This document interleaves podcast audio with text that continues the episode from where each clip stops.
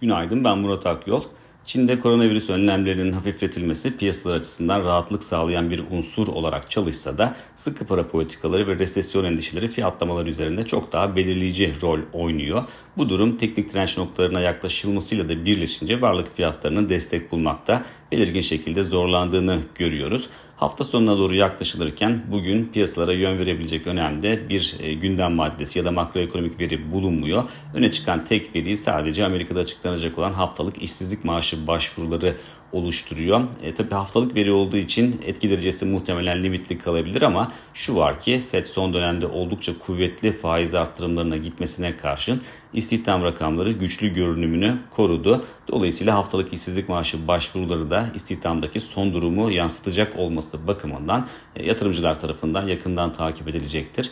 Önceki hafta 225 bin olmuştu başvuru sayısı. Bu kez 230 bin kişilik bir e, başvuru bekleniyor. Tabii daha iyimser bir rakam oluşması durumunda bunun da varlık fiyatlarına negatif yansıyabileceğini göz önünde bulundurmak gerekir.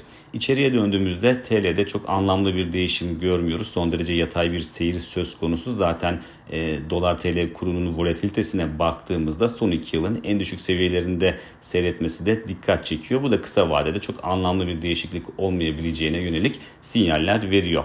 Borsa İstanbul tarafında ise BIST endeksi 5000 puan seviyesinin üzerine sıklıkla test etse de paylaşımlarımızda da dikkat çektiğimiz gibi e, kısa vadeli indikatörler, göstergeler 5000 puan seviyesinin üzerindeki rakamları teyit etmiyordu. Zaten dün de %3.5'lik bir geri çekilme yaşandı. Teknik açıdan baktığımızda 4900 puan seviyesinin altına inilmiş olmasının negatif bir sinyal verdiğini e, söyleyebiliriz. Tabi e, göstergelerle e, fiyat arasındaki endeks arasındaki uyumsuzluğun ortadan kalkması için endeksin 5000 puan seviyesinin üzerinde arka arkaya kapanışlar yapması gerekir. Ama bu seviyeden şu anda uzaklaşılmış durumda. Dolayısıyla endeksin bundan sonraki süre zarfında ne derece momentum kazanabileceğini yakından takip edeceğiz.